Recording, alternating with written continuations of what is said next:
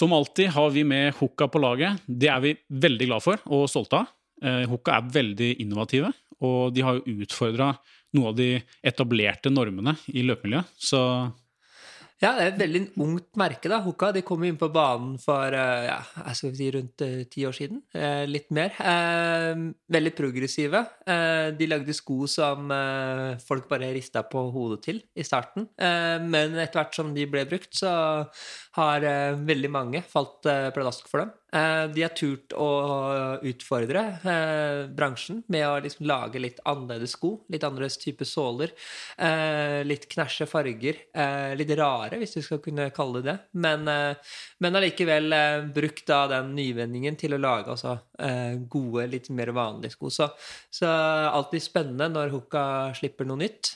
De tør å lage noe som de kanskje ikke tror at skal selge stort eh, volum. Og de var jo faktisk eh, veldig tidlig ute med karbonsko, eh, som eh, Løplabbet da også har en liksom, historie med. Eh, de, de kjøpte jo opp eh, de, Eller de bestilte 1000 par. Eh, og så var det vel eh, et minimumsvolum på 2500 da, eh, som eh, Hoka trengte for at det skulle produseres.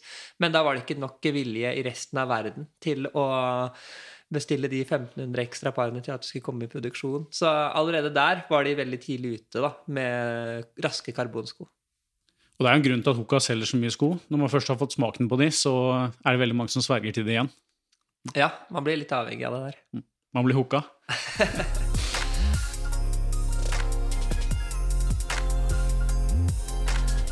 Hjertelig velkommen til en eh, ny episode fra Grøg og skjule. I dag har jeg storfint besøk av Mats Kaggestad. Hjertelig velkommen. Takk, takk. takk, takk. Hyggelig å være her. Ja, Det var mange grunner til at jeg ønska å invitere deg. Eh, Du har vært en ønska gjest over tid. Både med erfaring og kunnskap fra ja, både idrettens fantastiske muligheter og positive sider, og kanskje også ikke minst eh, skyggesidene. Mm. og så opplever jeg deg ganske befriende, åpen og, og ærlig. Så det håper jeg også du tillater deg å være her i stua. Ja, du fikk øve deg litt. Du lagde jo intervju med meg i, i form, så da fikk du jo øve deg litt. Absolutt, og du la ikke skjul på noe da. Men litt om eh, bakgrunnen. De fleste kjenner jo sikkert eh, til deg nå. Men du er tidligere profesjonell syklist. Sykla for eh, UCI Proto-laget Crédit Agricole. Eh, Så du har trent dine timer og annet sykla Giro Nei, Vuelta Spania Spania. Mm. Riktig. Ja. Eh, Jeg skulle sykla giroen i 2005, Ja, og så velta jeg og skada meg. Men det var da jeg traff kona. Ok, så, Så du kom veldig veldig godt ut av det. Ja. Jeg ville ikke bytta bort det. Jeg hadde ikke vunnet en etappe i giroen uansett. Nei, så du kom veldig godt ut av det. Og, og nå er du sportskommentator i TV 2. Du er gründer, medeier, selvstendig næringsdrivende, foredragsholder, podkastvert. Jeg kunne sikkert holdt på lenge. Ja. Holder på med mye. Det er mye baller i lufta. Ja, sånn er det å jobbe for seg sjøl. Mm.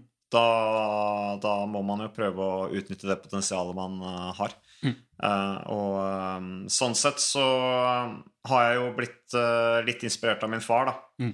Han har jo også alltid holdt på med veldig mye, uh, og hatt troa på den erfaringa og interessen og kunnskapen han sitter inne med, og så utnytte den best mulig, Mm. enkelt og greit. Apropos din far, nå var det du som tok det opp først. Jeg tenkte jeg skulle komme inn på Det også. Det det er jo sikkert vant til at mange plukker opp navnet til faren din.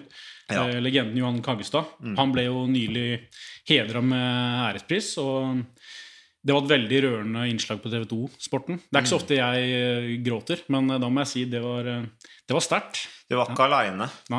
Det var mange som uh, gråt. Det var det. Så det var flott. Det var ekte. Det var autentisk. Eh, det var veldig fint at en mann som har uh, gjort mye, bidratt med mye, som fort kan bli stuet vekk på sykehjem og glemt, at han allikevel får oppmerksomhet, og, og at de faktisk tar med seg en fotograf og filmer. Eh, mange stilte spørsmål. De, vi ble jo spurt om det på forhånd, om vi syntes det var greit. Eh, Det syns vi absolutt. Eh, Vi vet at uh, fattern satte pris på det, og sånn er livet. Mm. Eh, Han er blitt syk, han er blitt gammel, mange fikk eh, sjokk, men det er realiteten. Eh, Og han satte uansett veldig stor pris på det, og det ble rørende eh, møte. Nå er jo Christian er der oppe regelmessig. Det er ikke første gang at fattern og Christian møttes etter at han ble så syk. Eh, Men, men eh, det var allikevel et veldig rørende møte mellom da min far, som har vært en mentor for Christian Påske, de som har farta rundt nede i Frankrike der i så mange år sammen, det er klart at eh, ja, det ble et sterkt eh, øyeblikk som veldig mange på en måte tror jeg kunne litt sånn kjenne seg igjen i, da. Mm. For mange har jo hørt mye på de to. Så det var fint. Absolutt. Og nå er det omtrent på dagen ti år siden eh, faren din ble slått eh, ridder eh, på den franske ambassaden eh, for hans evne til å fremme fransk kultur i Norge. Ja. Og uten sammenligning for øvrig, du var jo inne på det da. da sist vi snakka idrett, helse og trening, så skrev jeg en artikkel for eh, Kondis. Og da tok jeg meg friheten til å slå deg til ridder av den Det var kondis, ikke form, selvfølgelig. Jeg sa i form. Det var kondis, Ja, riktig. Ja, riktig, riktig. Det er sikkert uh, de som hører på her fra Kondis, veldig glad for å høre. ja, ja, klart. Kondis. Kondis. In- Institusjon i, i norsk mosjonsidrett og og løpemiljø og friluftsmiljø tatt. Vi har alltid hatt kondis. Men Absolutt. fortsett med resonnementet ditt. Nei, nei, jeg tenkte bare sånn, med, med, også med alle de ballene jeg har nevnt her, som du har i lufta, så, så lever du iallfall opp til den tittelen. Det er det ingen tvil om. Jo, altså den tittelen til fattern som han fikk av den franske, det franske kulturdepartementet og, og gitt til ham på franske ambassaden, det var jo stor stas. Skal de til å komme opp der? Um, det, det, det, det, må jeg innrømme. Men, uh, men en ting som er, er helt klart for meg, og har vært klart for meg lenge, og som jeg har diskutert også med, med TV 2, er det å I hvilken grad skal jeg prøve å ta opp deler av arven til fattern? Altså, jeg skal ikke kopiere fattern i det hele tatt, på noe som helst, og det har fattern sagt til meg òg. Det har ikke jeg noen planer med, for det er veldig slitsomt å prøve å være en annen. Eh, han har sine erfaringer, sin kunnskap. Jeg har mine erfaringer, uh, min kunnskap. Uh, Fattern, du omtaler han som en legende. Jeg er helt enig, han har gjort utrolig mye. Uh, vært en inspirasjon for veldig mange innenfor ulike felt. Satt lista høyt uansett hva han gjør. Bretta opp erma og gjort jobben. Forbereda seg, ikke minst. Og det, det eneste han har sagt til meg, det er at du skal være forberedt. Eh, Og når jeg snakker om i hvilken grad skal jeg ta noe videre, så er det akkurat det der som går på det som har med kulturen å gjøre. Eh, Sykkelarenaen den inneholder så enormt mye. Det er det som gjør sykkel til fascinerende produkt, etter min mening. Eh, og da er det respektløst overfor arrangørene, overfor alle de områdene, regionene, kommunene og alt dette som, som stenger veiene sine. De ønsker å få noe igjen for den innsatsen det er å gjeste det sykkelrittet. For det er ikke gratis. Sperring av veier, alt dette her. Og det de ønsker å få tilbake, det er at publikum ser hva slags steder rytterne passerer. De ønsker å vise fram det beste de har å tilby. Det er derfor de zoomer inn på statuer, eh, kirker, rådhus, slott, fjell. Og det er vår plikt. Det er det sykkelsporten lever av. Det er bl.a. den eksponeringen områdene som sykkelrytter ferdes i, får gjennom sykkelryttet. Hvis ikke vi omtaler det, og ikke snakker om det, og ikke prioriterer det, så er det sannsynligvis interessen for å gjeste sykkelritt gå ned. For det er faktisk ganske viktig. Mm. sånn som når Arctic Race gjest- gjester Eller når, når en eller annen, et eller annet fylke oppe i nord gjester Arctic Race, det er klart at de ser på eksponeringsverdien, og det vi da sier om bildene, er med å forsterke den eksponeringen. Eh, Og i tillegg så gir jo det også et innblikk for publikum eh, i kanskje et øyeblikk av rittet hvor det ikke skjer så mye. Eh, Eller hvor da det fokuseres på de 30 sekundene på det fjellet, så vil vi jo gjerne si noe om det fjellet eller den kjerka, istedenfor å ikke si noe som helst, eller prate rundt det. Eh, Da tenker jeg da blir det et, et bedre produkt da, for, for, for seerne. Og du sitter da Altså, jeg syns det er krevende nok å lage podkast her en times tid, men eh, du sitter jo på lufta i time inn, time ut. Blir du noen gang eh, stressa av det? Er det, liksom, er det må være slitsomt, eller er du sånn redd for å si noe galt, eller er du veldig komfortabel i den situasjonen? Eh, I fjor syns jeg det var ganske slitsomt, første året med Tour de France, til tross for at jeg jo har kommentert veldig mye sykkelløp. Men uh, det syns jeg var litt stressende, fordi at uh, det var på en måte å ta det et nivå opp og skulle kommentere Tour de France, for det er så mange flere seere. Og det presset du har når du på en måte skal ta over etter noen. ikke sant? Du kan jo spørre Jan Post hvordan han var å ta over langrennssendingene. Eh, Enhver kjær kommentator eller TV-personlighet som plutselig tar et steg til siden for å slippe fram en ny. Det er klart at eh, det er et visst press, da. Eh, at jeg skulle ta over etter fattern, liksom, det, det lå jo litt i korta. Fattern ønska det. Eh, Men det er klart jeg kjente litt på det presset, og særlig når du skal ta over en som er så hyllet da, for innsatsen. Så merker jeg at jeg ble litt stressa av det. Eh, Men, eh, i, og det var kanskje naturlig første året, men eh, i år så syns jeg det var mye lettere. Men sånn påkjenningsmessig så går det jo i ett. Uh, og jeg tror nok at det er ganske høye kortisolverdier, altså stresshormonet er ganske høyt i den perioden der. Uh, så, så men, men er du godt forberedt, så hjelper det veldig, da. Da er du litt mindre stressa. Mm. Er du ikke forberedt, så blir du stressa. Og faren med å ikke være forberedt også, er at du da blir sittende Du sier at det er mange timer. Ja, det er mange timer. Hvis du skal sitte og bare ta det på strak arm og ta det på sjarm, sånn som mange prøver seg å gjøre, det kan du gjøre en viss periode, men så etter hvert så går du litt tom, og så begynner du Og så øker faren for at du sier dumme ting eh, på sending hvis du tror at du bare kan leve av å ta det på sparket. Jeg, jeg har trua på at i, i lengden så lønner det seg å være forberedt. Og uh, uansett rolle eller setting så opplever jeg deg som uh, befriende, befriende ærlig og frittalende. Uh, Du har jo praktisert som dopingekspert i riksmedier. Forfekta helsefremmende holdninger og verdier i toppidretten og i næringslivet. Og Det med dopingekspert, da. For kanskje Det var ikke jeg som titulerte meg selv som det. Nei. Det er jo det tabloide mediene da som Ja, dopingekspert. Og dette var en periode hvor det var mye dopingavsløringer. Nå opplever jeg at doping er helt ut. Mm. Det er ikke noe interesse for det lenger. Det er sånn kjedelig. Det får, ikke noe, det, får ikke, det får ikke noe særlig overskrift lenger. Men det var, klart det var en periode hvor det var et veldig oppgjør med det. Sykkel ble liksom uh, hakkekyllingen. Uh, og det var liksom todelt fra min side. Det var én å, å prøve å, å, å skape, være med og bidra til en åpenhet som kunne føre til en bedre sykkelsport. Kritisere systemet for at de ikke hadde gjort en bedre jobb. Kritisere kulturen for at det hadde gått så langt som det hadde gjort. Men så var det også dette her at jeg syns det var et urettferdig fokus på sykkel. Da. Jeg kjente at jeg ble sånn personlig fornærma av at alle pekte på sykkel, og til og med IOC begynte å snakke om å utestenge sykkel fra OL pga. alle positive dopingprøvene. Da tenkte jeg hvor dumt er ikke det? Eh, Da, da, er, vi igjen, altså da er vi igjen at man eh, Tilbake til det som er idrettens problem. Da. Det er jo nettopp det at doping, positive dopingprøver er dårlig reklame. Og hvis du da skal utestenge en idrett for at de begynner å ta tak i problemet sitt, eh, så, så er det jo i hvert fall ikke noen invitasjon til å, til å utvikle og gjøre antidopingarbeidet bedre. Da er det jo mye bedre at de ulike idrettene bare lar være å drive med dopingarbeid. For da kan de jo peke på sykkel og se hvordan det går med sykkel. liksom. Alle disse positive dopingprøvene er jo ikke noe bra. Det må vi jo hvert fall prøve å unngå. Det, måten å unngå positive dopprøver er bare å la være å teste. Sånn at eh, det, det var sette det perspektivet òg, for at folk flest Det er veldig mange som ikke skjønner eh, noe særlig av dette med dopingarbeid og hvordan systemet fungerer. Eh, så fordi at mange positive dopingprøver er jo egentlig bare et tegn på at her gjøres det en jobb. Mm. Eh, og så fører det sannsynligvis kanskje til en kulturendring. Da. Jeg har jo inntrykk av at det er blitt en kulturendring i sykkel, selv om det helt sikkert er ennå noe å gjøre der òg. Ja. Og det jeg ville fram til deg, er jo sånn at det er jo ofte sånn at mediene henvender seg til deg, både fra din toppidrettsbakgrunn, men også at du har vært ekspertkommentator. Og veldig mange kan jo slippe unna bare med å lire av seg et eller annet, lite gjennomtenkt. Men eh, det er en ganske, det er ganske kontroversielle ting, tøffe ting å snakke om. Eh, så jeg lurte liksom på eh, om du er bevisst på den rollen. Hvor eh, Altså Det er jo selvfølgelig fint å være den personen som folk henvender seg til, men det må vel være litt eh, Det er tøft å stå i det òg? Eh, ja. Eh, jeg har tenkt mye på det spørsmålet du stiller der.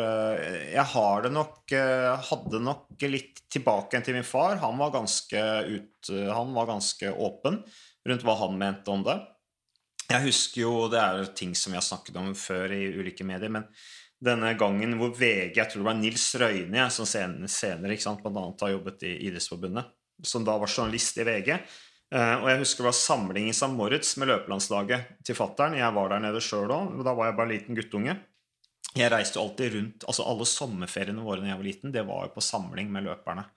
Gjerne i St. Moritz. Um, og det var kjempefint. Uh, men det var jo på en måte jobben til fattern. Uh, jeg lå på friidrettsarenaen der og, og leika liksom, mens de løp rundt og rundt oppe i høydene. Men poenget da, det var at VG skulle da ha et sånn mestermøte mellom eh, trenerne, fattern da, og eh, da altså Conconi, doktor Conconi, eh, som da var lege for det italienske ja, utholdenhetslandslaget, løping, ikke sant, sykkel, alt mulig rart. Og så skulle de da møtes, snakke om erfaringen sin, skulle bli, bli sånn svær sak, da. Eh, Liksom hvor folk skulle lese, lese om de ulike erfaringene og kanskje lære av det. Men så møtes fattern og Conconi sammen i Rysøyene, og så sier fattern bare rett ut da, dette her tror ikke jeg er noe å snakke om, for jeg er helt sikker på at du jukser. Og da gikk Conconi. Ikke sant? Så det var den saken.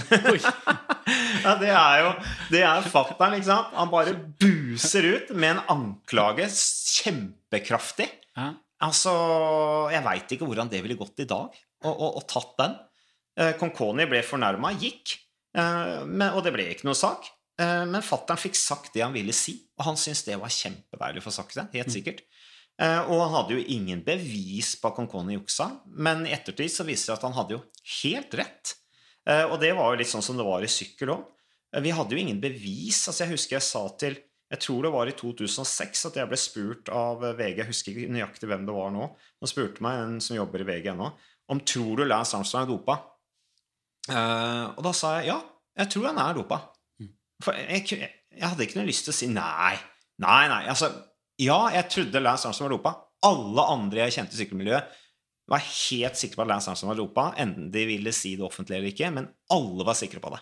Jeg kjenner ingen som ikke trodde at Lance Armstrong var dopa. Inkludert Tor Hushovd, selv om han ikke sa det. Uh, men, men ja, da sa jeg det, og det var jo klart det var jo heftig eh, å si det, men fordelen var at 2006 så var ikke sosiale medier det var ikke så utbredt som det er i dag. Mm. men hadde jeg sagt det i dag, så hadde jo det blitt eh, oversatt ikke sant, til alle språk. Så det, det, det er noe annet å si ting i dag enn det det var den gangen der. Eh, Selv om det var helt sånn på grensa. Føler det er noe annet også nå som du ikke er syk syklist sjøl, med, med en kontrakt med et sykkellag?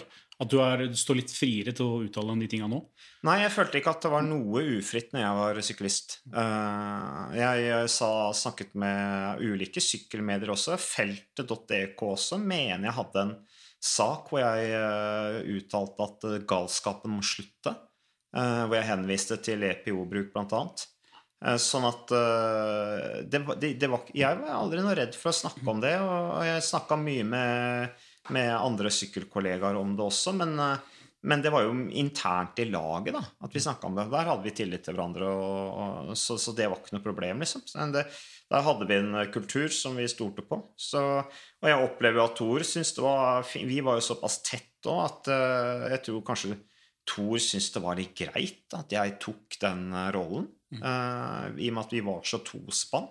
Eh, og veldig, liksom, jeg snakka veldig mye med Thor om det, så uttrykte jeg det på, på, ut til, til, til media. Det syns jeg ikke var noe stort problem, egentlig. Eh, men jeg har stor forståelse for at eh, utøvere i dag er forsiktige med hva de sier. Det, det har jeg. Idretten er jo både jobb og um, hobby for deg. Det er jo selvfølgelig et privilegium, men uh, det kan vel i enkelte tilfeller også bli sånn at idretten blir altoppslukende. Ja. Kan du si litt om forholdet ditt til uh, idrett? Hva det betyr for deg? Jeg har vokst opp, jeg har vokst opp med det, da. Eh, Jeg har vokst opp på gård og var mye i aktivitet. Og mutter'n og fatter'n var bevisst på at de ikke skulle kjøre meg overalt, så jeg måtte jo bevege meg rundt på bygda for å finne folk. Jeg Vokste opp med skiløper rett utafor huset. Jeg Ble kjørt opp skispor fra jorden og langt innover Flandumsmarka, som det heter, i Modum der. Og eh, fantastisk. Eh, Jeg var jo minst eh, av eh, Vi er jo tre søsken. Jeg har en bror som er syv år eldre, en søster som er seks år eldre. De var på en måte litt mer aktive enn meg. Men jeg hang jo på en måte litt i stroppene på, på fattern, som var trener i det lokale idrettslaget, skigruppa. Eh, Jeg var med fattern. Han hadde bull-treninger og treninger med Grete Weissing Kristiansæter var jeg ofte med. Jeg var med mutter'n og fattern ned til Modum Bad når de hadde treninger med pasienter innenfor psykiatrien. Eh, Så jeg vokste opp med dette her at bevegelse er, eh, er veldig bra. eh, Og idrett er fantastisk. Idrett er, er Ja, det var jo alvor hjemme hos oss idrett, liksom. Det var et tema som vi snakket mye om, særlig fordi at fatter'n jobba med det. Broderen var aktiv skiløper, satsa, gikk på skistipend. Og så etter hvert så ble jeg idrettsutøver, jeg òg. Men jeg var ikke sånn veldig interessert i idrett før jeg ble sånn rundt 12-13 år gammel. Mm. Det var først da jeg begynte å bli ordentlig interessert i det. Ja, det var da jeg begynte å se på Tour de France òg. Det var jo sånn jeg ble interessert i sykkel, fordi mm, broderen og, og fattern satt og så på Tour de France. Og så syntes jeg dette var eh, fascinerende å se på. Og så begynte jeg å visualisere at jeg selv var syklist når jeg var ute og sykla i bygda på jakt etter uh, lekekamerater. Eh, så Eller jeg drev mest med skateboard, jeg, da. Uh, så, så det Nei, så sånn, sånn blei det. Og så ble jeg jo helt uh, Altså, jeg ble jo kjempe Altså, jeg, jeg, jeg leste jo alt som var av sykkellitteratur og blader og Jeg kunne jo nesten skostørrelsen til alle proffsyklistene da jeg var liten. Jeg kunne nesten jeg er noe mer nerd da enn jeg er nå. Men vil si at det var ganske tilfeldig at det blei sykkel? Altså Hadde faren din og broren din sett på eh, friidrett, da? Kunne det tilfeldigvis blitt det istedenfor? Nei, jeg tror ikke det. For jeg så jo mye på friidrett. Mm. Jeg var jo masse med fatter'n uh, og så på friidrett. Vi var jo på Bislett Games hvert år, ikke sant. Uh, og var jo på en måte litt sånn ringside òg, i og med at fatter'n var trener og fikk mye tilgang til mye mer. Uh, så, og alle samlingene og sånn, hvor det var alle disse ulike løpemiljøene fra ulike land som var samla, de trente og holdt på. Men løping fascinerte meg aldri noe særlig. Uh, jeg er glad i å løpe, ass, det er ikke det. Men, uh, men, det var noe med sykkelsporten og disse bildene av rytterne oppe på fjellsiden ikke sant? med alle disse hordene av mennesker og helikopterne oppe i lufta. og og, og, disse utrolige omgivelsene og de skiftende omgivelsene. ikke sant? At de beveger seg i dette voldsomme terrenget. Så det var den der reisa og ned utforbakken og utstyr og brillene ikke sant? Det var Greg LeMond som var den første rytteren som Det var han som fikk meg til å bli veldig interessert i sykkel, og jeg skrev særevne om han på, i 9. klasse på ungdomsskolen. uh, så, så det, det, Nei, det, jeg bare elska sykkelsporten. Syntes alt ved det var kult. Og så var det også dette med miljøet i sykkel som var litt annerledes enn langrenn. Jeg opplevde langrenn som det, ja, det, var, det var klubber og lag, men det var veldig individuelt allikevel. Uh, mens i sykkel så var vi et lag. Jeg ble en del av Ringerike sykkelklubb med Birger Hungerholt som, som, leder. Han er nestor i norsk sykkelsport. Med Gabriel Rask ikke sant? og den gjengen der fra de første treningene jeg var tolv år gammel. Og vi, uh, vi utvikla et veldig sånn nært uh, vennskap, alle vi gutta. Og så var dette med lagtempo, måte du trener sammen på sykkel, da, som jeg syns var, var veldig moro. Og til slutt så ble du jo proff sjøl òg. Jeg vet ikke om det kom som lyn fra klar himmel, men du hentet opp i Kridiager Kål. Ja, det var jo veldig målsetting. Jeg var 25 år gammel. Og da kjørte jeg jo allerede det som nå er kontinivå, da, altså tredjedivisjon proff, det som het Team Krone. Som var det første profesjonelle sykkellaget på herresiden i Norge. Mm. Um, og det var jo et veldig bra opplegg. Ringerikssykkelklubb hadde jo alltid et veldig flott opplegg. Um, men Kronegruppen var jo uh, et selskap som gikk dundrende konkurs etter 2002-sesongen fordi at det var en del av Finance Credit-systemet, som jo var kanskje den første virkelig store finansskandalen i, Norge.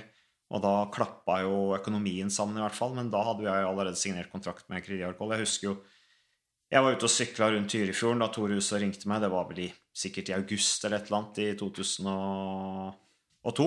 Uh, og så sa han ja, Mats, uh, send meg noen notater eller CV-en din. Uh, jeg vil ha deg inn på laget. Og da, da tråkka jeg fort den resten av den turen. det, så det var jo en drøm som gikk i oppfyllelse. og så, um, så det var fantastisk. Men det er klart Jeg hadde jo drømt om mer som proff, men etter hvert så slutter man å drømme. Da prøver man bare å se hva man kan få til i litt sånn kortsiktig perspektiv, da. Um, det, det, sånn er det jo.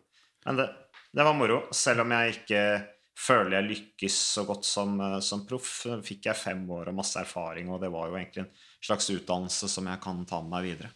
Ja, for Hvis du skal trekke fram noen spesielt gode minner da, fra proffkarrieren, hva er som uh, dukker opp først?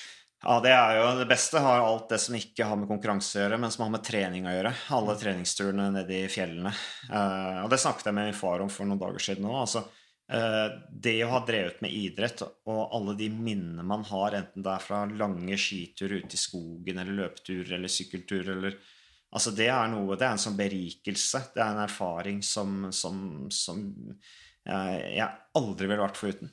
Den gir jo nærhet til naturen og kjennskap til deg sjæl og det er jo eh, Ja, nei, det, det, det snakket vi mye om. Um, at det er utrolig godt å ha med seg. Og liksom tenk på alle de som ikke får opplevd det. Aldri får opplevd den naturen til Aldri får opplevd den nærheten til naturen og eh, samspillet Liksom eh, drive rundt eh, i marka, det der, eh, hvordan kroppen fungerer, og det, det, er jo helt fantastisk. Eh, kjennskap man får til sin egen, egen, egen kropp og hvordan kropp og sinn henger sammen og alt dette her. Eh, men, men, ellers så var det Jeg hadde mye gøy med, med hushold selvfølgelig i den perioden der. Å bo i Frankrike var jo nyttig, og lærte litt fransk og opplevde litt sånn annen måte å leve på, leve livet på. Um, så, og, og, sykle selvfølgelig vært med på de sykkelrittene og oppleve de arenaene. Uh, også ikke minst farta i feltet, da. Uh, tempoet og nivået på de beste rytterne. Eh, det Jeg vil ikke akkurat si at eh, det var en smertefull opplevelse, men, eh, men allikevel kult å ha opplevd. Ja, for det er noe jeg alltid har lurt på. For når du ser de store rittene på TV, så blir man ofte litt lurt. Det ser ut som på en flat etappe at man sitter og slapper av i feltet. Ja. Du som har opplevd de tre ukersritta, hvor tøft er den egentlig? Ja, nei, det, det lyver veldig, særlig når du får bildet forfra. Men så er det ganske gøy å få da, hvis de skifter kamera og du får bildet bakfra, så ser du jo da halen på feltet og de som sliter. Det har kanskje vært ute av en 90 graders sving, og hvis du filmer forfra i feltet, så ser du på en måte der hvor det går jevnt. Men bak så er det jo et ekstremt trøkk for å bare holde hjulet. Og det opplevde jeg veldig mye. altså når du sitter i fem timer, og det eneste det dreier seg om i det, på den etappen eller det sykkelrittet, det er å klare å henge med for, eller henge på bakhjulet foran deg. Du bare klamrer deg fast og sitter i biter i styret rundt hver eneste sving. Du spurter s- som en gal, føler du, ut av svingene bare for å klare å holde hjulet foran deg. Og til slutt så ryker strikken, og så kommer du opp igjen, og, strik, og strikken ryker. Så eh, det er eh, Nei, det, det, er, eh, det er Sykkel er en tøff idrett. Og så har du alle, alle veltene osv. Bare sånn for å sette ting i perspektiv. Nå er det jo Qatar-VM, og da passer det bra å snakke om Qatar rundt. Eh, jeg sykla Qatar rundt to ganger, og det er jo tilsynelatende et veldig lett sykkelløp, for det er jo helt flatt. Men jeg var i brudd der et år, og, og, og da hadde jeg altså 100, jeg tror jeg hadde 100, jeg hadde i hvert fall over 170 snittpuls på fem timer. Eh, og jeg lå i bukken stort sett hele dagen, så jeg måtte omtrent knekkes av sykkelen når jeg kom i mål. Eh, så, så selv ikke i Qatar er det lett å sykle, liksom. Eh, men der hadde du dette med sidevind og sånne ting. Så Nei, også dette med presset, velt, stresset, den mentale kampen internt i feltet med å, å holde seg i posisjon. Det der å være litt smart, ikke bruke for mye krefter. Jeg var veldig nervøs sykkelrytter, så jeg brukte altfor mye krefter. Eh, og det sier jeg til unge ryttere i dag, at det er en kunst det der, der å, å spare krefter når du sitter i feltet. Eh, og være litt kald, da. Det er veldig mye det handler om. Og jeg har inntrykk av at dagens unge ryttere er utrolig rasjonelle da, i alt det de gjør. Uh, alt fra aerodynamikk til, til kosthold osv. Men ikke minst dette her med teknikken i feltet. Og du nevnte jo deg på Tor Huså. Det er for øvrig en av mine drømmegjester her i poden. Det har vært eh, stort å få ha han en gang. Men eh, Lykke til! ja, takk. Det, eh, det å være på lag med Tor Du nevnte jo kjapt på det. Det var jo tydelig at han spilte en rolle i å få deg på laget òg. Ja. Jeg har hørt at du har sagt tidligere at han er en av de råeste, ikke bare både liksom det å være på, men også det å være av. Koble helt ut. Kanskje litt sånn som man kjenner fra Northug også. Kan du si litt om det å være på, på lag med en sånn type? Du bodde jo veldig mye på rommet nå. Ja, han, øh, det er som du sier at Uh, Nå tror jeg ikke han og, og Northug er kjempelike på alt, men akkurat én ting tror jeg de er flinke på begge to, det er å kjenne på kroppen. Uh, og det husker jeg med Thor. Han var veldig sånn Nei, i dag så er jeg, jeg føler meg sliten, liksom. Uh, jeg, jeg skal ikke trene. Og så bare tenkte jeg men det er jo helt useriøst. Hvordan holde på sånn, liksom. Eh, men sånn var han, da.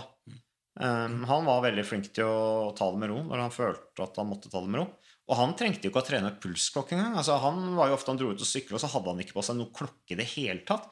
Måtte spørre liksom hvor lenge han har vært ute. Måtte sitte sånn hele tida.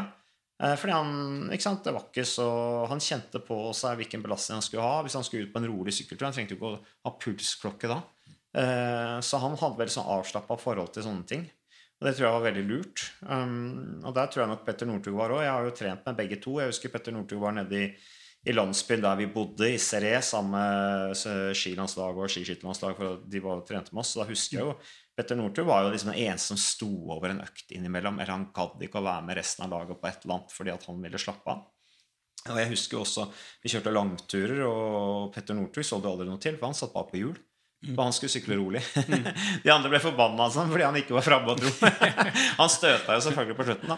Eh, så, men ikke sant? det er litt fascinerende, da. Og, og min far har jo også jobba med Petter Northug. Og, og, og han, han oppdaga jo også det ganske tidlig at her var det en helt sånn unik fyr som gjorde akkurat det han følte han måtte da, for å lykkes best mulig. Eh, og en som hadde veldig selvtillit i forhold til hva han selv drev med og kjente på kroppen og visste hva som var best for han. Og da konsekvensen av å skulle bli god, var at, eh, det var at da, da gjorde han det som måtte til. Eh, så um, enten det var å ta det ekstra draget, eller å stå over en økt fordi du var sliten. Så det er litt fascinerende å se på de gutta der. De har selvtillit til å faktisk ta det med ro. Eh, jeg hadde aldri selvtillit til å ta det med ro, fordi jeg følte jeg var så på etterskudd. Mm. Det var så langt opp uh, at jeg unna meg aldri å, å hvile, fordi at uh, jeg måtte jo gjøre jobben. Ellers fikk jeg dårlig samvittighet. Så det er nok litt forskjell.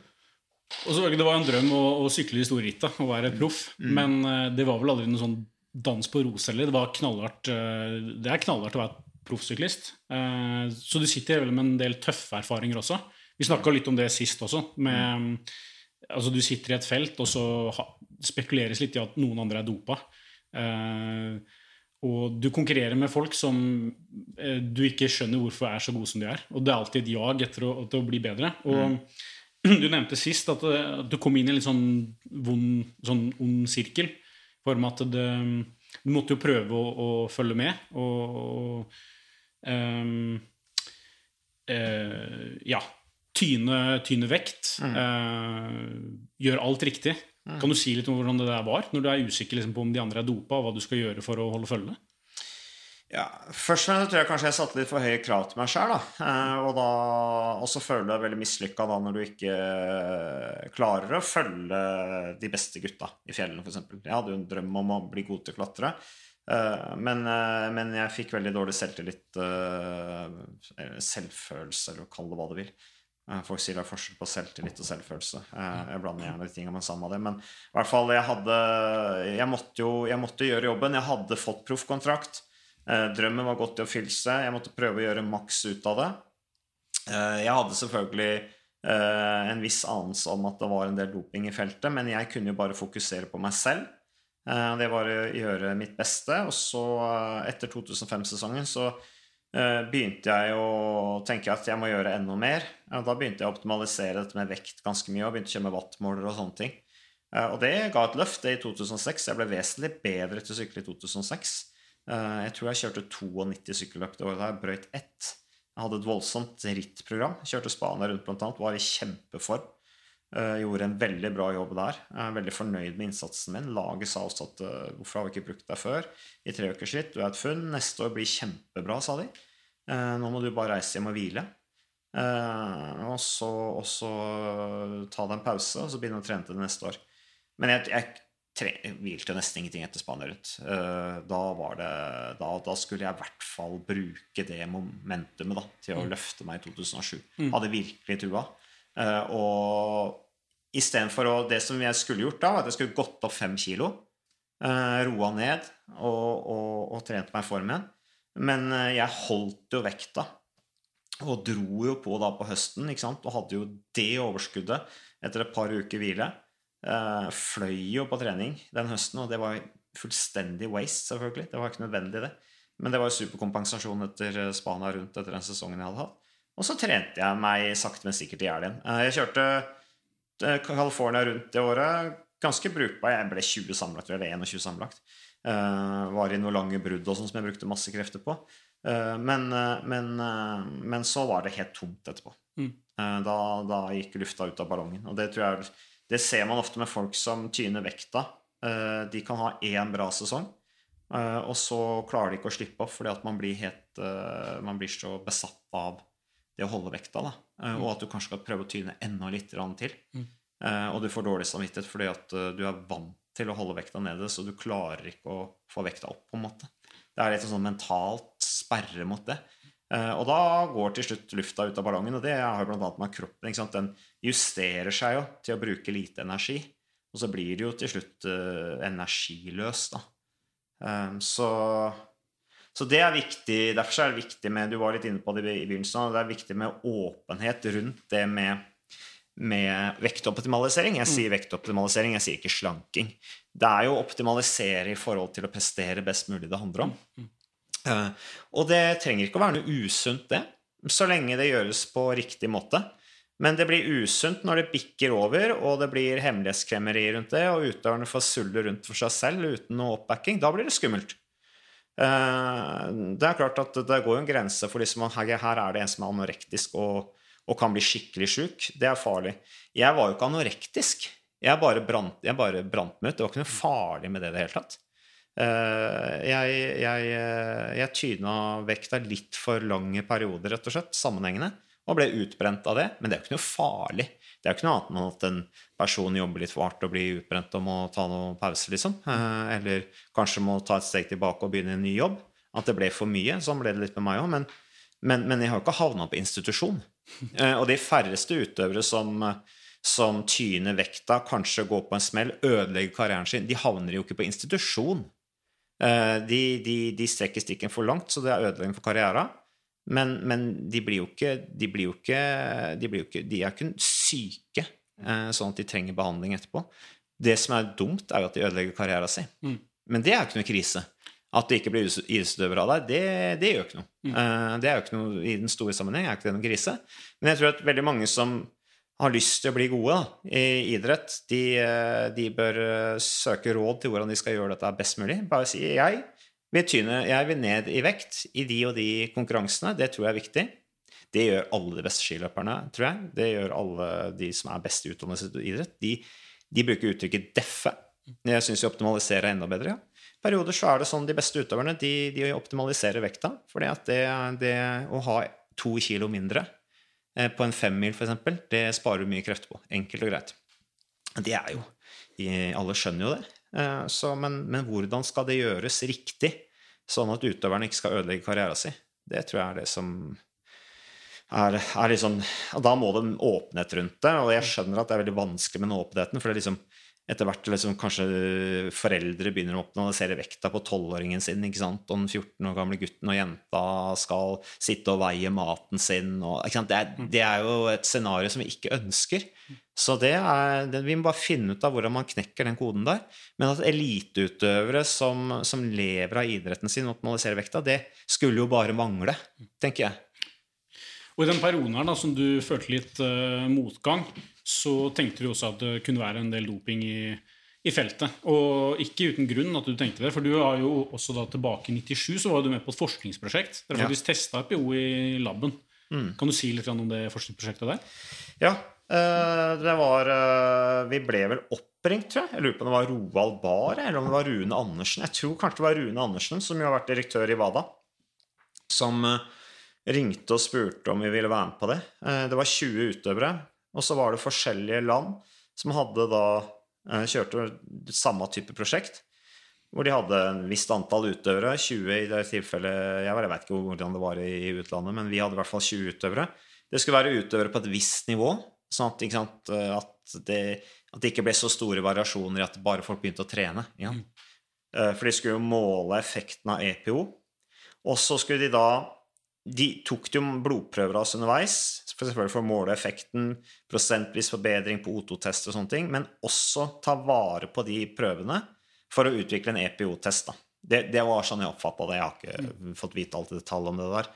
Uh, men, men, uh, men uh, jeg var jeg, jeg, Gabriel Rask og jeg var med. og vi trente jo sammen, hadde trent sammen nesten hver dag siden vi var tolv år gamle. så vi, vi var jo på en måte sånn tospann. Eh, og eh, det var jo interessant da Vi visste jo ikke hva vi fikk. Eh, vi fikk bare en sprøyte tre ganger i uka. Reiste sammen, Gabriel og jeg. Vi, det vi tjente penger på, det var jo da kjøregodtgjørelse. Det var gode penger for oss den gangen, da, for vi kjørte jo, vi kjørte jo én bil, men vi fikk jo kjøregodtgjørelse for to.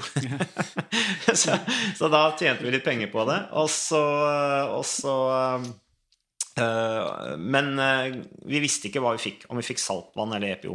Ti fikk saltvann, ti fikk EPO. Det var det eneste vi visste. Og Gabriel, vi snakka mye om det underveis. liksom om, ja, jeg Gabba husker jeg sa jeg tror jeg får EPO. liksom Jeg føler meg veldig bra.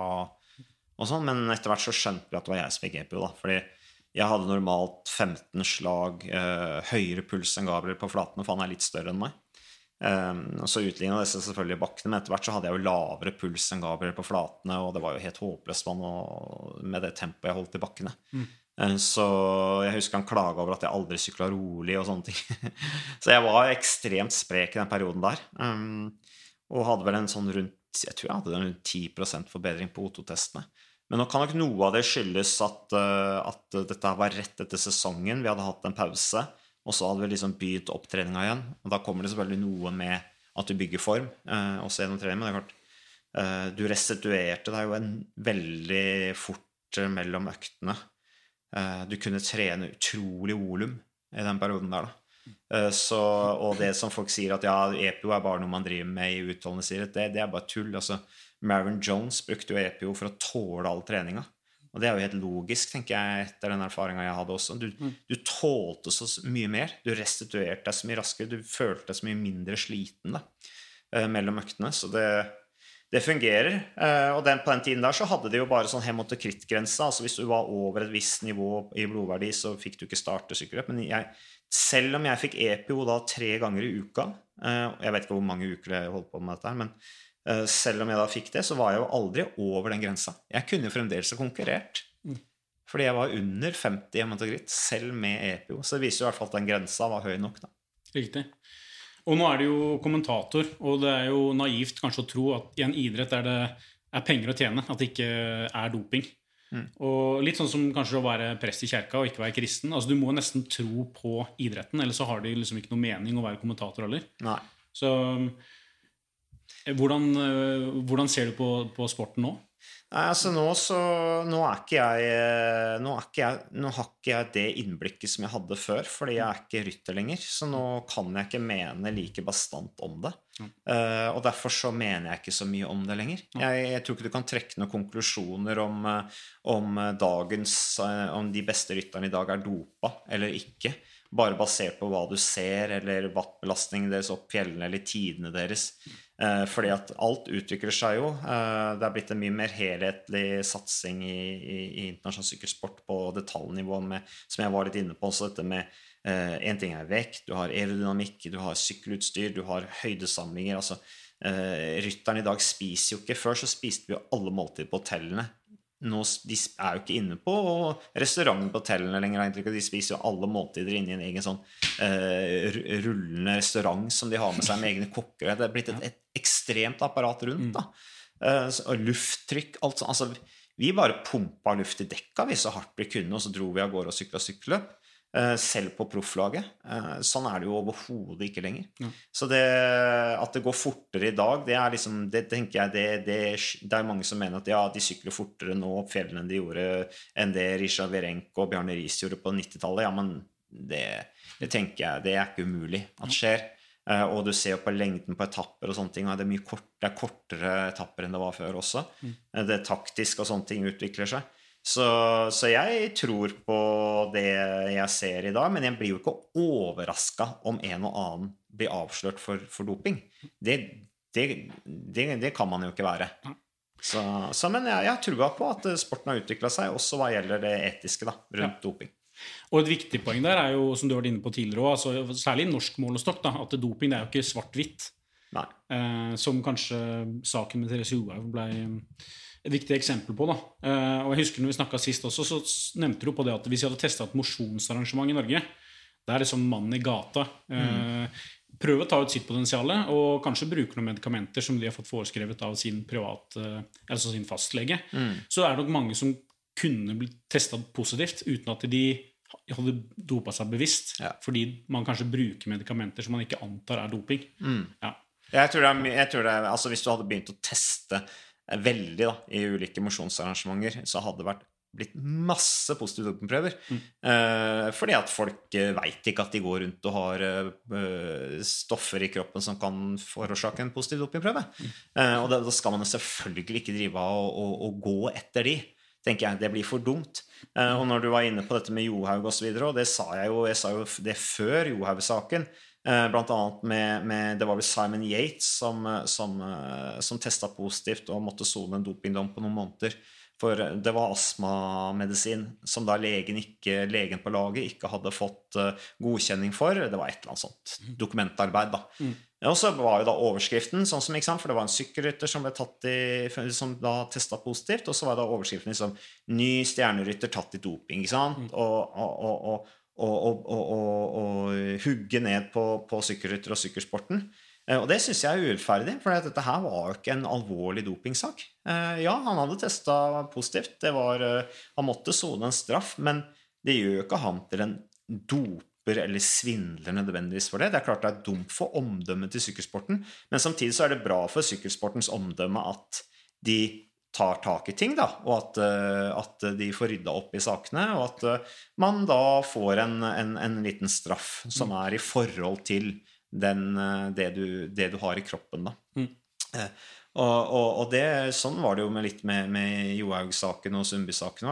Sundby jeg vet ikke, var det et par måneders straff han fikk. Alle skjønner jo at det er ikke en alvorlig dopingsak. Ja, det var surt og kjedelig og dumt, uheldig, ja. Og han måtte ta en straff. Eh, men det, det, var ikke, det, var ikke, fire år. Eh, så det var ikke mer alvorlig enn det. Mm. Johaug var en knallhard sak for henne, men hun ble jo hun ble trodd på saken. Hun fikk to år. Eh, det er, det er, ikke fire, eh, og det kan skje. Det er mange utøvere som har, har eh, havna i samme situasjon som henne. Og aldri kommet tilbake, men som aldri ønska å, eller som ikke ønska å dope seg med vilje. Så det, det, er, det er, ikke svart-hvitt, det der. Da. Så det er ikke sånn at Og der tror jeg det kan ha blitt en bevissthet også i, i, i idrettspublikum hjemme i Norge at det er ikke sånn at vi, vi, er, jeg tror var, vi hadde litt godt av de norske sakene i vårt, liksom vårt kjære skimiljø. For da kanskje åpna man Fikk man litt uh, nyanser da, på hva doping kan være også. Uh, og det tror jeg var litt sånn For oss fra sykkelmiljøet så var det sånn Ja, der ser du. Det er ikke alle dopingsaker som nødvendigvis betyr at uh, hel, et helt miljø bare er skurker og, og svindlere. Mm. Det kan skje.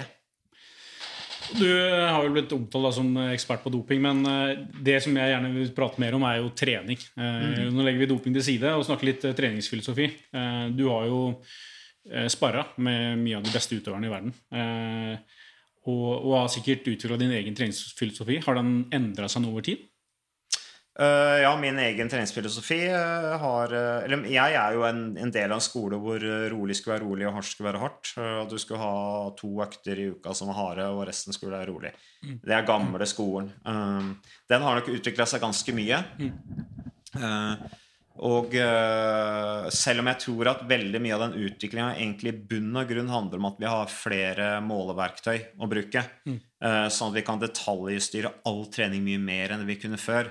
Før var det mer som tommefingerregel for at vi, for at vi ikke skulle eh, trene for mye hardt. Eh, men jeg tror jo at eh, selv om eh, mye av de langkjøringene vi hadde og sånn i gamle dager de, det, det var, Vi var jo mye oppe i sone tre.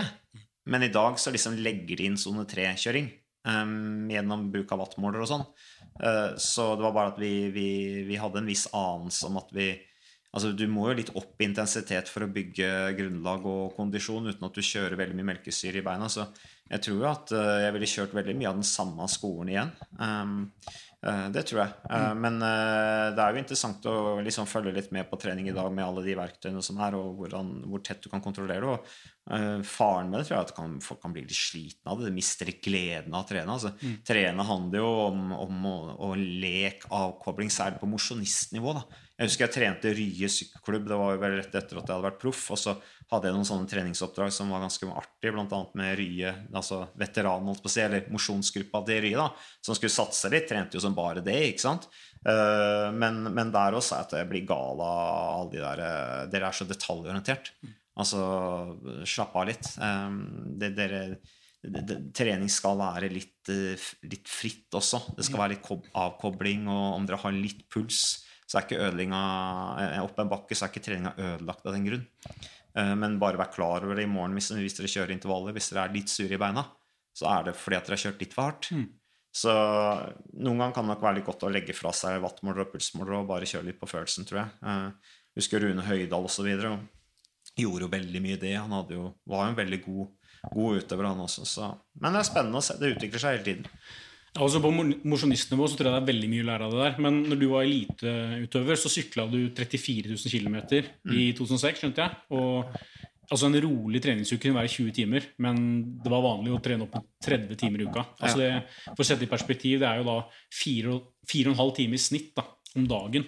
Mm. Og det setter jo ekstreme krav til intensitetsstyring, regner jeg med. Og det var ikke noe særlig wattmåler sånn i starten av din karriere? var det? Nei, det var ikke det. Eh, jeg husker på begynnelsen av 2000-tallet, slutten av 90-tallet med Ringerike sykkelklubb. Vi hadde en ekstrem treningskultur i Ringerike. Eh, Da husker jeg vi hadde en uke på Mallorca hvor vi trente 48 timer, tror jeg. Um, og da var det liksom opp om morgenen, jogge og trene styrketrening, spise frokost, dra ut og sykle hele dagen. Uh, og vi hadde et utrolig trøkk på treninga. Vi, satt, når vi, vi kjørte jo i par, sant, seks-åtte ryttere. Uh, og når vi satt og dro, så kjørte vi sone tre. Så det var veldig høyt tempo på treningene. Kjørte mange mil. Uh, og kom jo i en helt vanvittig form, da. Men det som er kunsten å kjøre når du kjører sånne bolker med så mye trening, det er at da må Det er veldig bra, men du må selvfølgelig ha grunnlaget til å tåle det. Eh, og så må du slippe opp mellom, eh, sånn at du får eh, lada batteriene og hvilt deg. Og det var nok kanskje det vi bomma litt mye på. Og så blir blir du vant til å være kronisk sliten. Det sliten blir normaltilstand. Kronisk sliten blir normaltilstand. Så du, du, hvis du kjenner på overskudd, så, så, så, så, syns du det er helt rart. Eh, du må bli sjuk for å på en måte få, få den, den, den hvilen du trenger. Da. Og det husker jeg annet med Bo André Nantvedt, som jo var veldig god syklist på 90-tallet. Sykla jo Bjørgvin på slutten av karrieren, var proff han også. Han også var en sånn type som trente ekstremt mye og gjerne måtte bli sjuk. Og da først etter sykdom at han virkelig presterte, da, for da hadde han fått hvile. Og dere var jo da på mye samlinger og sånn. Og det her blir kanskje et sånn definisjonsspørsmål, da. Men når du er på samling, altså Anser du, anser du sykkel som er det en individuell idrett, eller er det en lagidrett? Det er lagidrett, så til de grader. Det var liksom jeg sa også tidlig i podkasten, at jeg ble veldig fascinert av samholdet i sykkelsporten. Det at vi, vi gjorde jo omtrent all trening sammen. Trente alle økter sammen. Uh, skulle vi kjøre hardt i fjella, så hadde vi utnytta- utbytte av hverandre. Eh, kjørte vi lagtempo, hadde vi jo naturlig nok veldig utbytte av hverandre. Eh, når vi kjørte rolig langturer, hadde vi kjempeutbytte av hverandre. Eh, og vi lærte oss i den gruppa å trene bra sammen. Og da fikk du jo det sosiale i tillegg, og, og ikke minst debrifen. da. Vi fikk snakka sammen når det var tunge stunder, og sånne ting, så kunne vi snakke om det. Så vi var jo hverandres på en måte mentale trenere også. Eh, og det, jeg tror på en måte, den beste delen av sykkelkarrieren min, eller sykkel, den tiden jeg satset på sykkel, det var i Ringerike sykkelklubb de åra før jeg ble proff.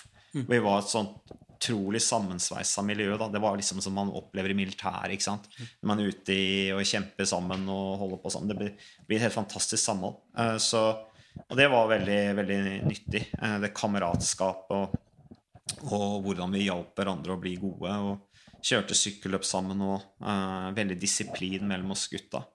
Så det var fint. Da må jeg plukke opp tråden med huset igjen. fordi Dere sykler jo sammen der på lag, og du jobber jo for han, og så er det han som til slutt vinner etappen. Eller tar, vinner grønn trøye. Eh, og får heder og ære for det. Men jeg husker du har nevnt en gang tidligere også at eh, han var veldig på det her å feire suksess, suksessen sammen, og kanskje dele bonusen med hele laget. Ja, ja, ja, ja, det var en selvfølge. Eh, han ga alle pengepremiene til oss, ofte. Og han var veldig flink, Tor, til å anerkjenne innsatsen vår når vi hadde gjort en bra jobb. Eh, han klagde ikke på oss om vi ikke hadde gjort en bra jobb, men han var, flink til å si fra hvis vi hadde gjort en bra jobb. Det økte jo selvfølgelig vår motivasjon til å jobbe for han, og han var veldig sånn eh, samlende person også fordi vi hadde tillit til at han faktisk kunne levere. Eh, og han var nok et sånt mellomledd som kanskje mangla litt også på ledernivå i Kridi. At han, han fremsto veldig som en leder i gruppa. eh, og hadde kanskje den autoriteten som leder som rytter, da, som direktørene kanskje mangla. Direktørene nådde ikke helt fram der de satt i bilen sin, selv om vi hadde rittradio og sånne ting. Så nådde ikke de fram rent sånn kommunikativt på samme måte som det Thor gjorde. Han var mer sånn at han klarte å samle oss gutta i feltet eh, på en helt annen måte enn det jeg syns direktørene gjorde. De satt mest der bare og ja, De klarte ikke å skape en entusiasme da, rundt felles målsetting, men så fort Thor var der, så hadde vi det, alle entusiasmen med en gang, for vi hadde trua på han. Vi ville jobbe for han òg. Eh, sånn at, eh, fordi han var en naturlig leder, og hvis han gjorde det bra, så var det bra for oss. Så det, det, var, det, det, det er ganske interessant å se hvordan en lederskikkelse kan, kan løfte hele laget. Plutselig så får vi ut flere prosent av oss sjøl fordi at selv om vi egentlig er i akkurat den samme formen som vi var forrige uke når vi ikke sykla med han. Eh, Men, men da leverer alle litt bedre, eh, og det går på det mentale. da. Mm. Så, så Thor var en, en bra kaptein, og så var han også bra kaptein i den form at han eh, de dagene han ikke hadde dagen, så ville han veldig gjerne få fram eh, andre. Mm. Og, og også, ville også gjerne jobbe for andre. Og du var innom det her med at noen mosjonister kan henge seg litt for mye opp i enkelte duppeditter og sånn. Og ikke minst altså, I løping da, så er det veldig mange som er opptatt av puls. Og altså med intensitetsstyring. Mm. Og du som har sykla de her i treukersritt, du kan vel kanskje si litt om det her med hvordan puls av og til kan bli et litt upålitelig eh, en upålitelig indikasjon da, på hvor tøff intensiteten faktisk er. Ja. For uh, Du snakka om det at du kunne sykle like fort utover et ritt, men så blir jo pulsen lavere og lavere, for du blir mer og mer nedtrent. Mm. Uh, ja, og så er det en annen ting som er viktig. Da. En, altså, jeg veit ikke helt hva, hva, som skjer, hvorfor det er sånn. Uh, hjerte, om hjertet liksom på en måte blir sterkere underveis, eller hva, hva det er. Uh, men det skjedde i hvert fall. Men veldig med oss, det var jo det der at vi når du kjører trykkskytt, så blir du jo nedkjørt. Mm. Samtidig som du blir jo, du blir jo veldig sterk, da. Uh, uh, og du får jo bare vondere og vondere i beina. Muskulaturen blir bare stinnere og stinnere av melkesyre, selvfølgelig. Men du får et litt sånn annet uh, begrep om smerte. Og det er jo det som særlig gjør at du klarer å holde samme farta selv om pulsen er lav, eller klarer å holde høy fart til tross for relativt lav puls. Det er jo det der at du, du, du blir så vant til å ha vondt i beina. Eh, at, eh, at, du kan bare sitte og kjøre sånn, eh, selv om du egentlig er helt mørbanka. Og det er jo også en sånn erfaring, det der å, å takle smerte. Det der å henge med litt lenger, litt lenger, litt mm. lenger. Um, og liksom bite seg fast, det er veldig mye erfaringsbasert. da at man, ja, man har faktisk alltid litt ekstra som regel da, før man eventuelt går fullstendig tom og det stopper helt opp. Uh, men, uh, men det, det, det, det, var nyttig. Når det gjelder det der med, med hjertet, altså den erfaringa i Spania rundt seg, var jo det at som du sier, pulsen ble lavere, eller eventuelt at um, smerten i beina slo inn mye tidligere. Men det var det rett og slett det at pulsen Vi fikk ikke opp pulsen på, på, på like høyt, men vi kjørte like fort. Mm. Eh, og det er interessant. og Derfor er jo også wattmåler et mer pålitelig verktøy for en som trener veldig mye, i hvert fall. Eh, fordi at eh, er relativt konstant, mens pulsen svinger veldig mye fra dag til dag. altså Pulsen kan jo Det er pluss-minus 10-15 slag. Det tror jeg på en måte er helt udramatisk, egentlig. Noen dager så uh, er pulsen veldig høy. Det kan være fordi du har sovet dårlig, sånne ting. Uh, du er kanskje litt stressa. Og det trenger ikke bety at du er i dårlig form. Uh, og det kan jo også bety at du har overskudd. Mens mange tar jo det som et negativt signal. 'Oi, pulsen min er høy, så nå er det et eller annet gærent'. Uh, er pulsen lavere? Det husker jeg med Tor. Uh, at vi kjørte intervaller. Det var før wattmåler, og så fikk ikke han opp pulsen. Kanskje fordi vi hadde hatt en periode vi hadde trent veldig mye. Får ikke han opp pulsen, og så blir han frustrert, og så kjører han bare hardere og hardere, hardere for å få opp pulsen. Uh, og så kjører han jo da egentlig mye større belastning enn det han egentlig skal. da. Det ville han jo ikke gjort med wattmåler. Mm. Og nå trener du jo, eller følger opp, uh, vesentlig større grad mosjonister. Mm. Og det er jo kanskje flere av de som lytter her også. Uh, så hvordan vil du anbefale folk å styre intensiteten sjøl? Hva, hva, er rolig, hva er moderat, hva er hardt? Hva er hardt nok? Jo, jeg tror veldig mange gjør det. Nå er det sikkert en del av dine lyttere og folk som leser kondis osv., som, som, som kan masse om trening og har drevet med idrett fra de var små og tar vare på den erfaringa opp i voksen alder og koser seg med det. Eh, men, eh, men uh, i dag så er det jo bare å Det er jo gøy, gøy med pulsklokke og se på kilometer og uh, minutter per kilometer. Sånn er jo interessant. Nå har du jo også watt i forhold til å løpe, ikke sant, belastningen. Men i bunn og grunn så trenger du det ikke. Mm. Altså, du, du, du, har du litt erfaring med trening, så veit du jo om du har tatt i hardt eller ikke tatt i hardt. Om du føler deg tung eller føler deg bra. Uh, du kan se på klokka og se hvor fort du har løpt, og regne ut det enkelt og greit. Uh, men det er, det er, kult å ha.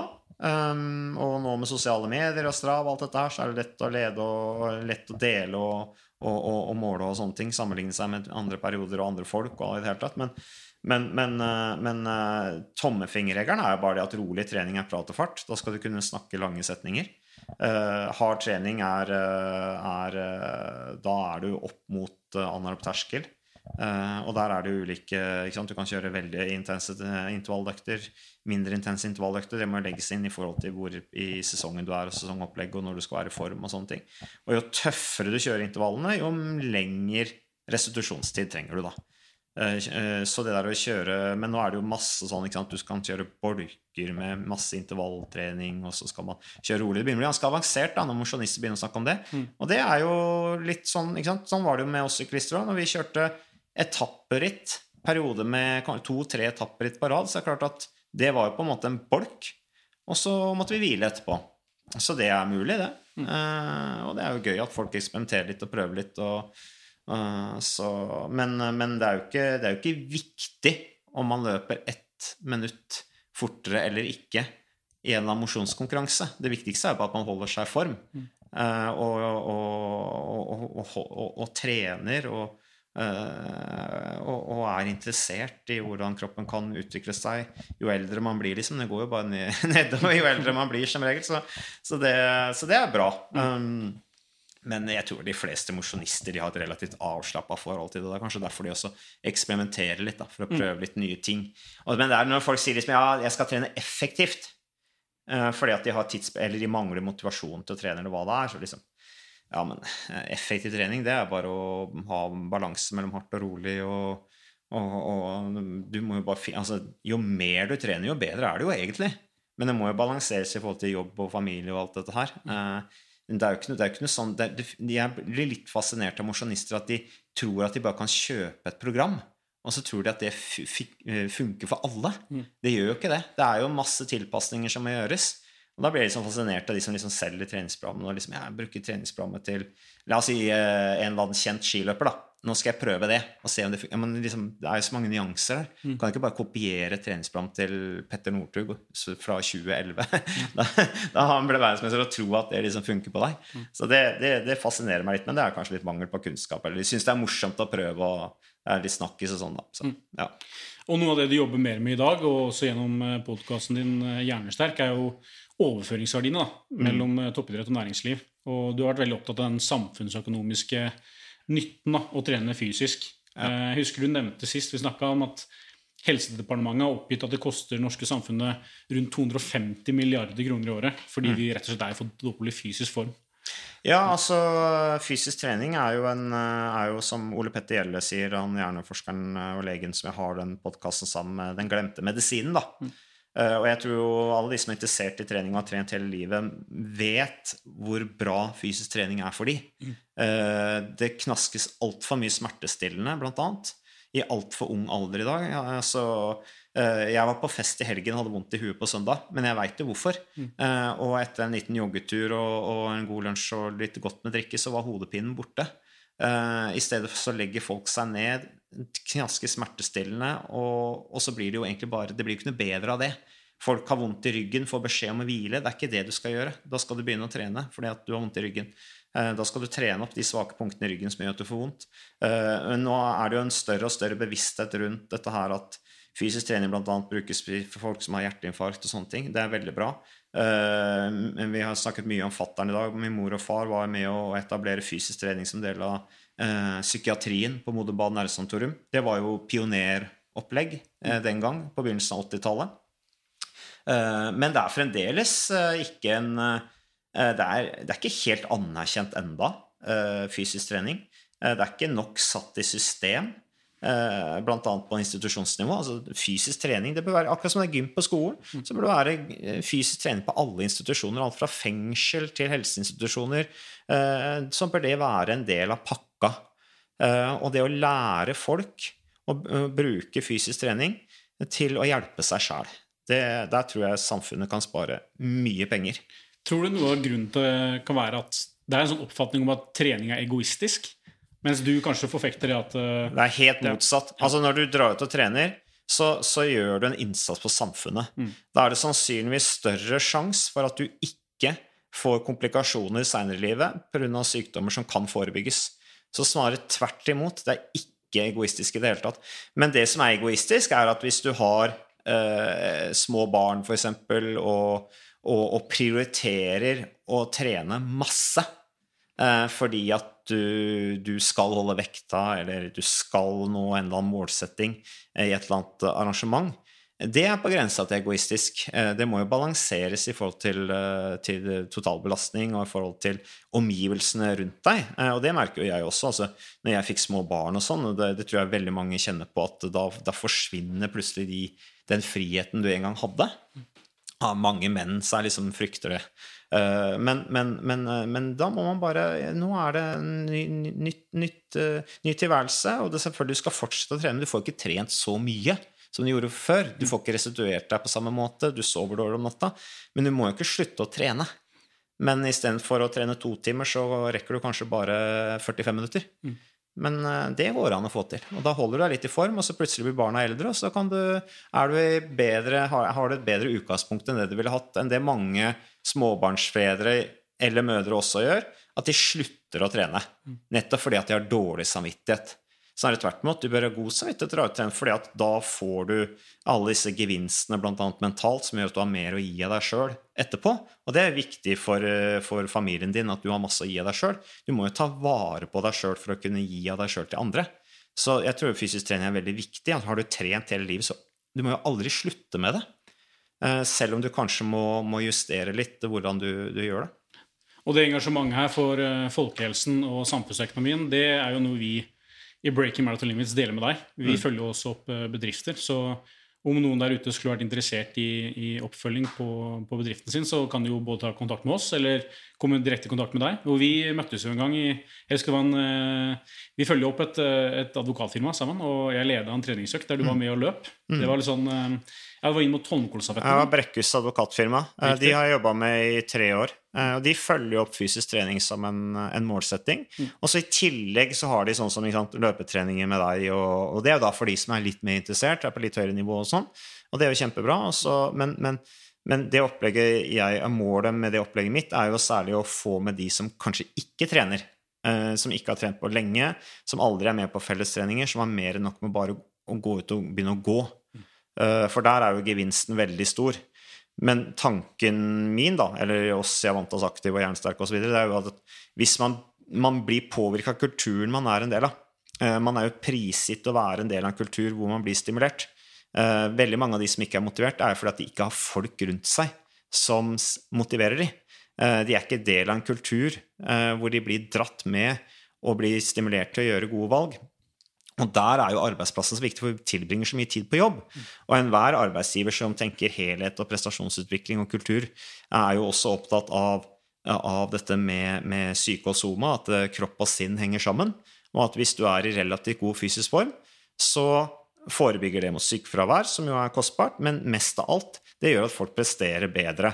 Særlig litt stressa eller pressa perioder, sånn som ofte bedrifter er, hvor man må stå på litt hardere, jobbe litt hardere. Vi vet at det er en sammenheng mellom fysisk eh, form og kreativitet, hukommelse, alt dette som skjer med hjernen også. Så Det, og det er jo egentlig så enkelt. Det er bare å gå ut og gå seg en tur, jogge seg en tur, eller hva det måtte være. Mm. Ikke mer som skal til. Men problemet for folk flest er at de, de sliter med å, å gjøre det. Ikke, det er ikke vanskelig selve mosjonen. Det som er vanskelig, er å gjøre det regelmessig og skape en vane. Og da er det selvfølgelig veldig gunstig hvis noen tilrettelegger for det. Og jeg må si, jeg var veldig glad for at det var du som var med meg på løpeintervall, og ikke jeg som var med deg på sykkelintervall. Det var artig å se deg i løpeskoa òg. Og i den settinga her så, så, må jeg nesten høre med deg hvordan ditt forhold er til løping òg.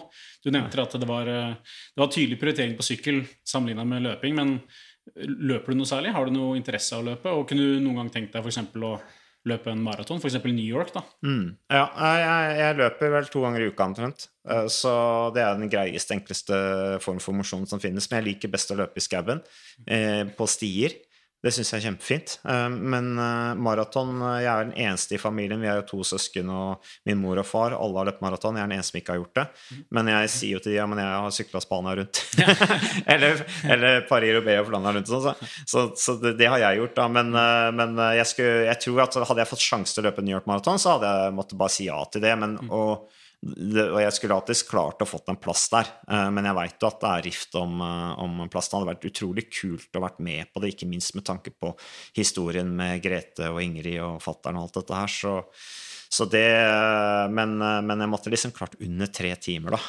Ja, Når du nevner det nå i podkasten, så jeg, jeg lover det Det kan godt hende at det kommer noen henvendelser nå i etterkant med noen som har en billett til deg. Så nå er det nevnt, og da er tretimersmålet også naturlig. Ja, så. man måtte prøvd under tre timer. Altså Moren min har løpt på 3,18 etter å ha fått tre barn. Og hun satsa jo ikke. Hun jobba jo det Hun bare var med for mosjonens skyld. Så, så, jeg har jo litt press på meg der. Jeg så Ella Gjømle løp på 3,18 nå nylig. Eh, Marit Bjørgen løper på akkurat over tre timer. Så, eh, men er, jeg tenker på de stakkars låra mine på den asfalten 42 km. Jeg, jeg vil anta at du kommer bare til et punkt hvor du bare stopper. Men jeg så Truls Enger Korseth nå, som jeg er tidligere prosyklist, løp i Oslo Maraton. Uh, utrolig kult, det. Så ja. Vi skal følge litt med. Det har vært mm. artig å se deg på maraton en gang òg, men uh, enn så lenge så får du prioritere sykkel. Jeg vet du skal ned og lage litt uh, podkast nå også, så ja. jeg skal slippe deg av gårde. Ja, vi har prata lenge. Det var hyggelig. Takk veldig for meg. Hyggelig. Hjertelig takk for at du tok deg så god tid. Det setter jeg pris på, og veldig mange av de som lytter, regner med. Og så skal vi følge spent med på, på veien videre. Tusen takk. Rimende.